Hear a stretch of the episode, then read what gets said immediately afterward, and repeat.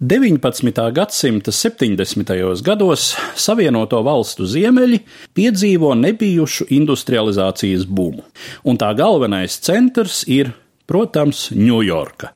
Pilsēta plešas plašumā un briest bagātībā, un, kā jau tas mēdz notikt, nauda meklē sev pielietojumu dažādās dzīves sfērās, taiskaitā mākslā.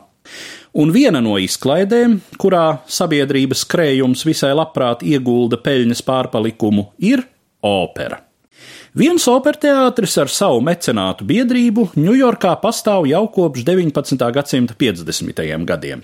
Tur pulcējas pilsētnieku labākās familijas, kuras nepavisam negrib šai prestižajā klubā uzņemt kādus nesen pie bagātības tikušos jaunos amerikāņus. Tad nu šie homini novi, jaunbagātnieki, starp kuriem ir tādi kā Morgani, Rūzvelti, Astori un Vanderbilti, 1880. gadā izveido savu organizāciju un nodēvē to par Metropolis operas asociāciju, angliski Metropolitan Opera Association. Daži gadi paiet sagatavošanās darbos, bet 1883. gada 22. oktobrī priekškars pirmo reizi veras jaunajā Metropolitena operteātrī. e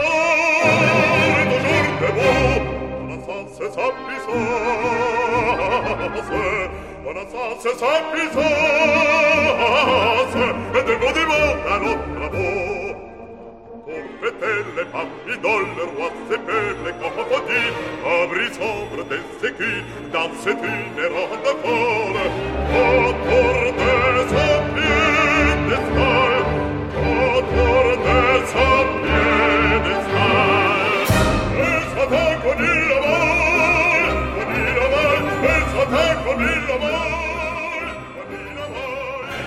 Pirmajā vakarā izskan Šarla Guno opera Fausts.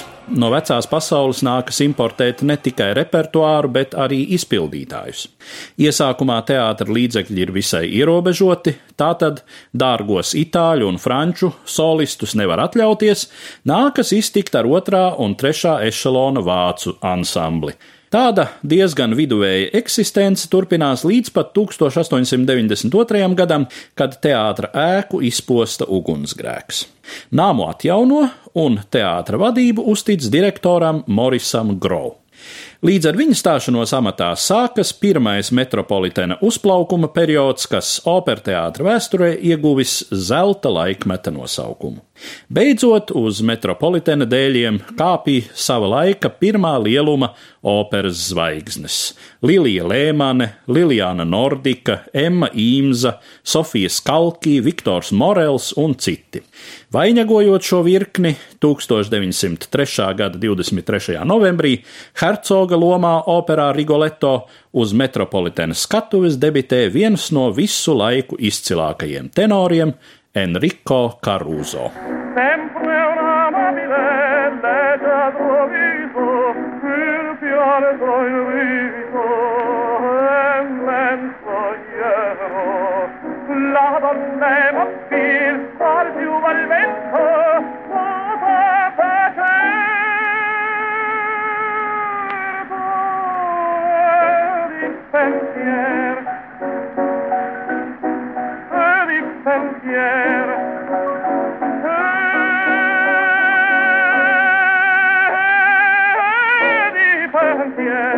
Karuzo veselus 17 gadus ir Metropolitena operteātra vadošais tenors. Viņa laiks operā sakrīt ar direktora Giulio Gatti Kazacas 25 gadus ilgušo vadības posmu, kas ieguvis Metropolitena sudraba laikmeta vārdu.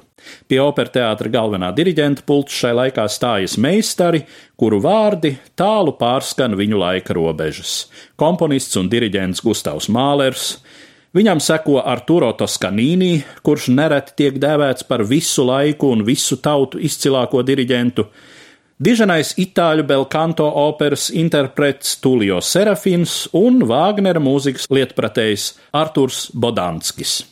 Arī vēlākajos laikos, kuri nav ieguvuši ar dārgmetālu mirdzumu apveltītus nosaukumus, metropolitēna skatuve pulcē izcilus vārdus. Šeit dziedājuši Marija Kallas, Renāte Tebaldi, Joana Sazerlenda, Elizabete Švarckopfa, Viktorija de Los Angeles, Monserrata Kabaljē, Mario del Monaco, Franco Corelli, Nikolais Gēda, Džons Vikers, lai nosaucam tikai pašus pašus spilgtākos skatuves vārdus. Tas pats sakāms par diriģentiem - Dimitrijs Mitropuls, Piers Montē, Eriks Leinsdorfs, Fricis Reiners, Karls Bēms, Valērijas Gergijevs, Herberts Fonkarajans. Stāstīja Eduards Liniņš.